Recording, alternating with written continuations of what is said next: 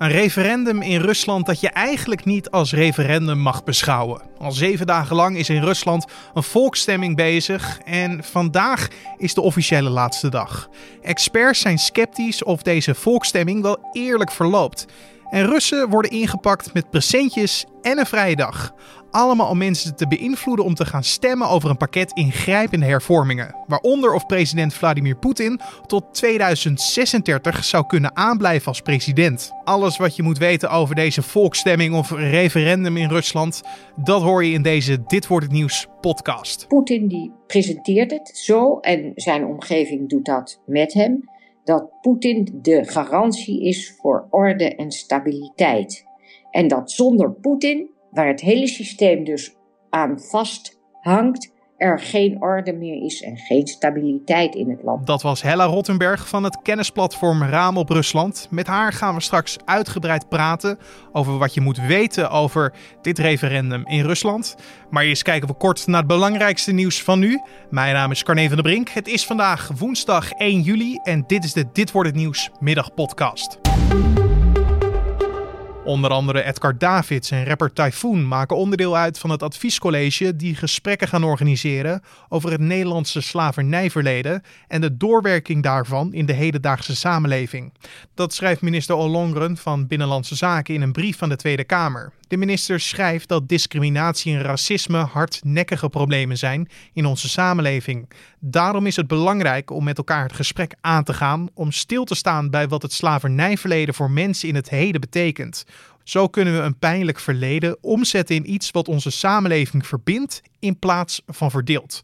De verwachting is dat de dialooggroep voor 1 mei 2021 de bevindingen aan het kabinet aanbiedt.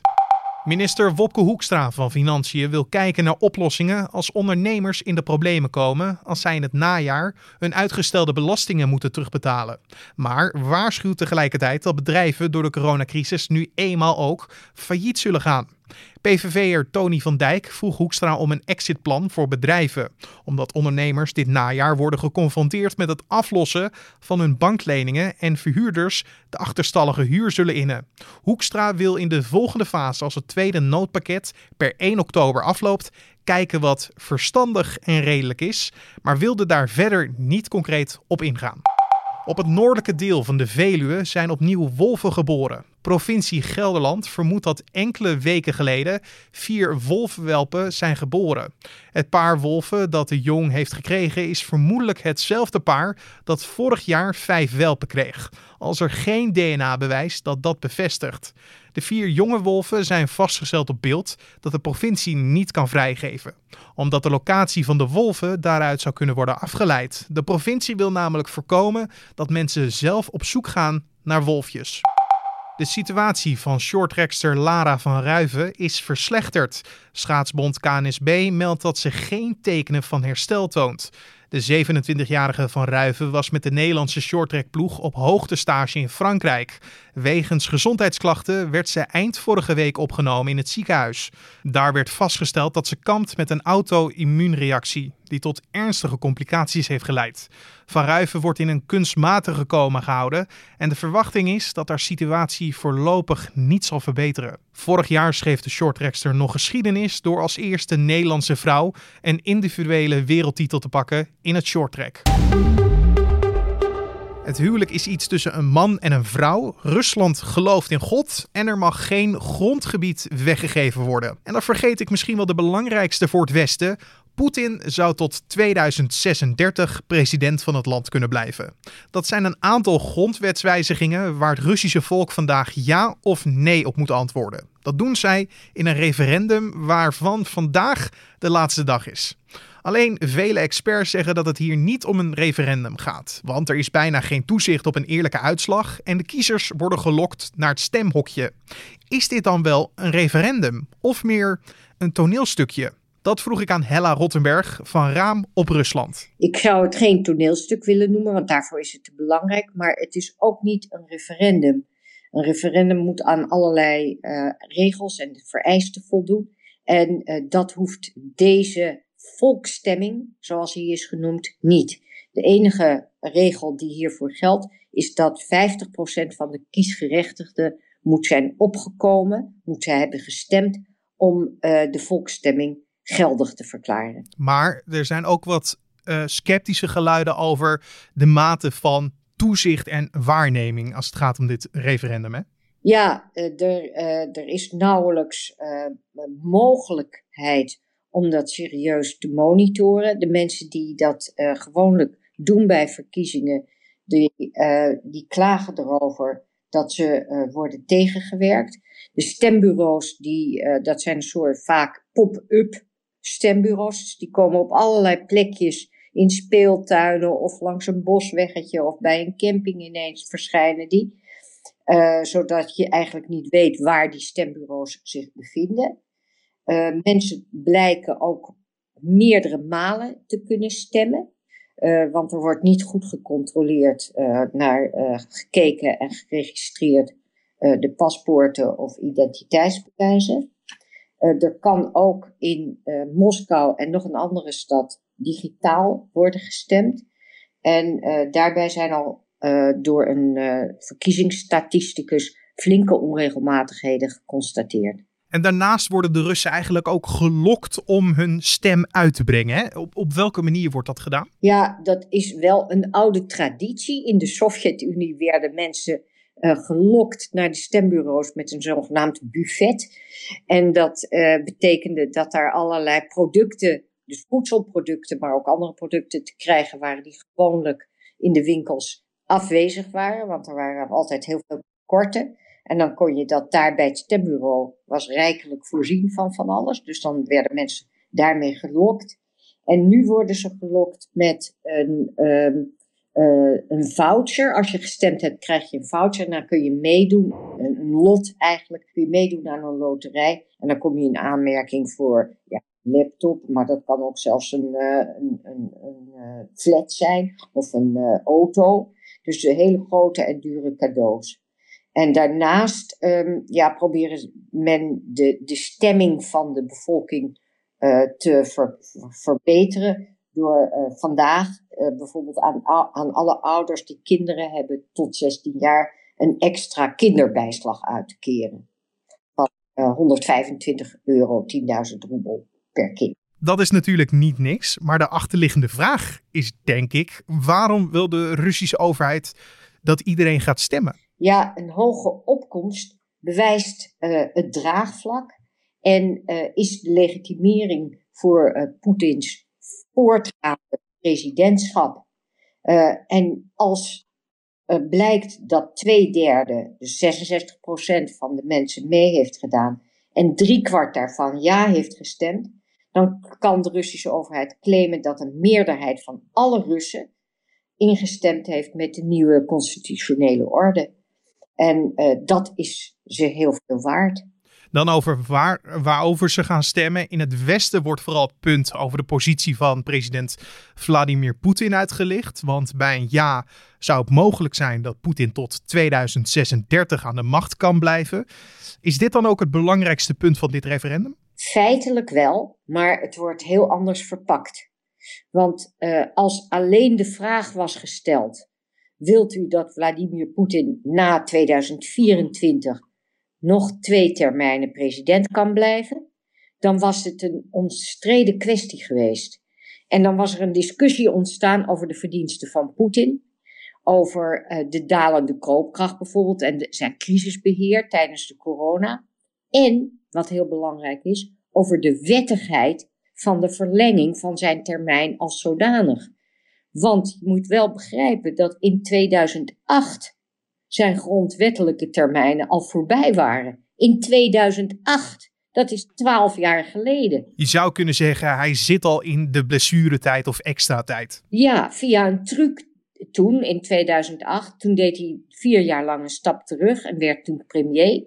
Kwam hij in 2012 weer terug als president. En ditmaal voor zes jaar in plaats van vier en werd in 2018 herkozen. En zou dus nu, volgens de nieuwe zeg maar, regels die hij ook weer had aangepast, uiterlijk 2024 moeten opstappen. Maar waarom willen ze dan meer macht geven aan de president of een langere periode qua macht? Ja, omdat uh, Poetin die presenteert het zo en zijn omgeving doet dat met hem dat Poetin de garantie is voor orde en stabiliteit.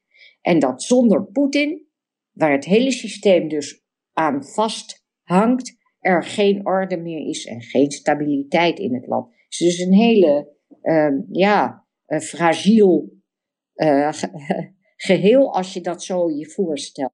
Dat dat van één man afhangt. Ja, want je zou ook kunnen zeggen, er is dus ook niet een goede vervanger in het zicht. Nee, en die houden ze ook. Die, die, het, het wordt ook zo nu georganiseerd dat die goede vervanger er ook niet komt. Kijk, op het moment, dat heeft Poetin zelf gezegd, op het moment dat, dat hij zou zeggen, nou 2024 houdt mijn presidentschap op, dan zegt hij, zei hij, ja, dan zul je over twee jaar al zien, dan gaat iedereen op zoek naar een, een vervanger en dan kan er eigenlijk al niet meer geregeerd worden en dan ben ik vrijwel machteloos al geworden. En dan in plaats van dat we effectieve maatregelen nemen en goed regeren, zijn we dan alleen maar bezig met mijn opvolging. Nou, dan wordt het een rommeltje. Ja, want dit, want dit, dit referendum zou het alleen mogelijk maken om die stappen te, te bewandelen.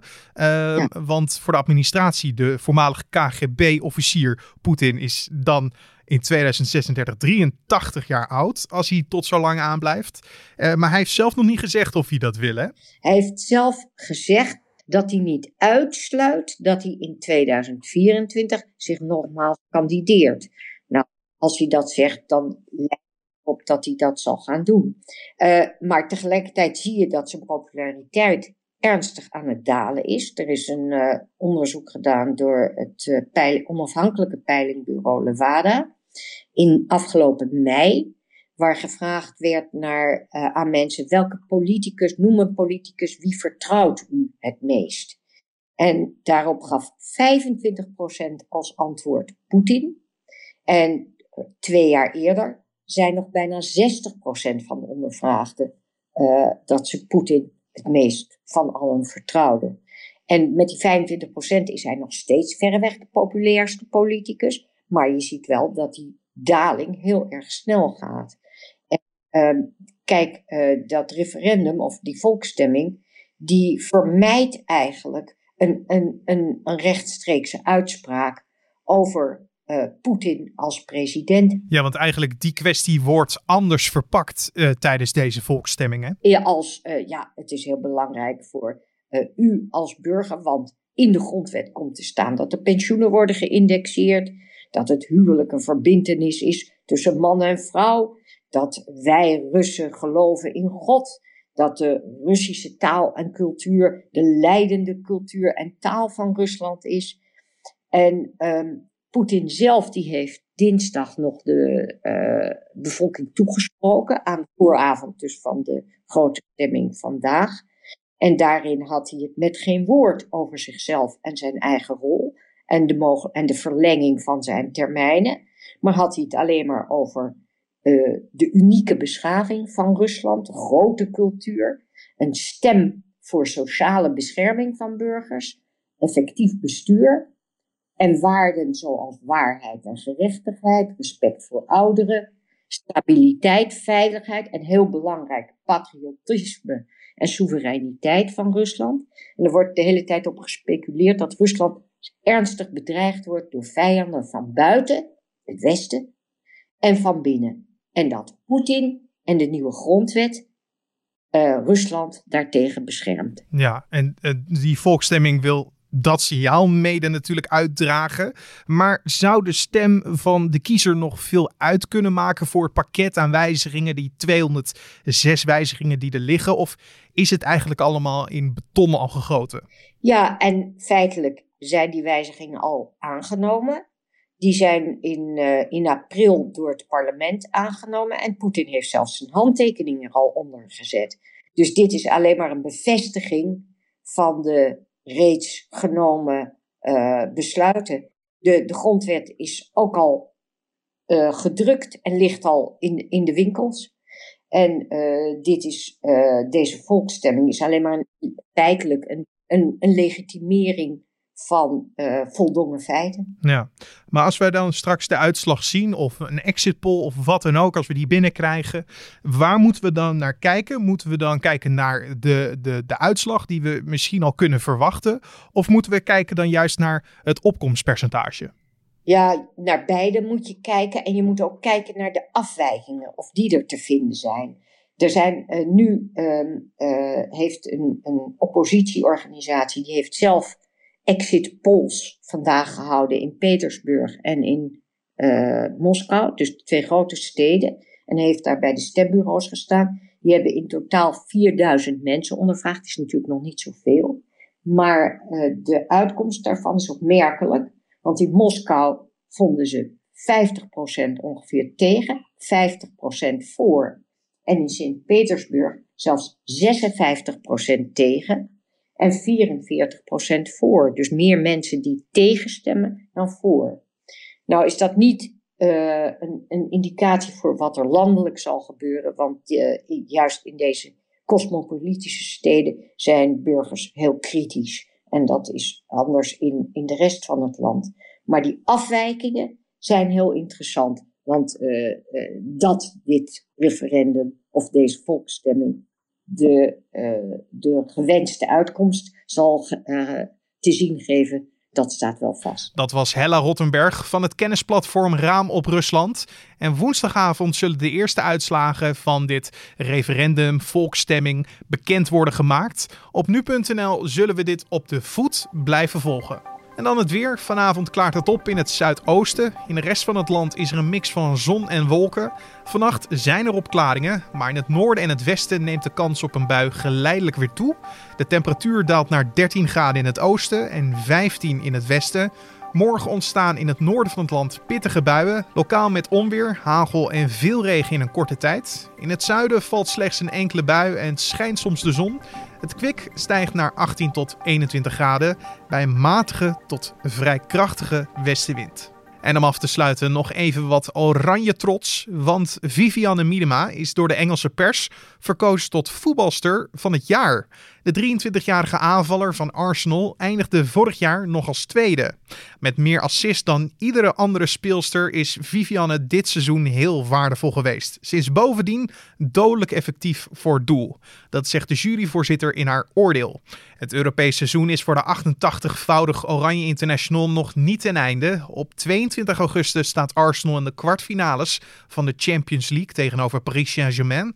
Met 10 treffers is de Nederlandse voorlopig topscorer van dat toernooi. En tot zover de Dit wordt het nieuws middagpodcast voor deze woensdag 1 juli. Je vindt de podcast altijd in de ochtend en in de middag op de voorpagina van nu.nl. En je kan je heel makkelijk gratis abonneren op deze podcast via je favoriete podcast app. Dus een Spotify en Apple Podcast of Google Podcast openen en dan zoeken naar nu.nl Dit wordt het nieuws en je vindt ons.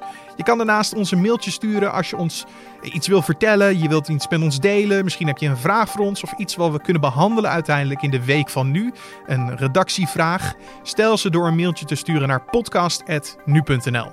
Mijn naam is Carne van de Brink. Voor nu wens ik je een hele mooie dag en tot de volgende.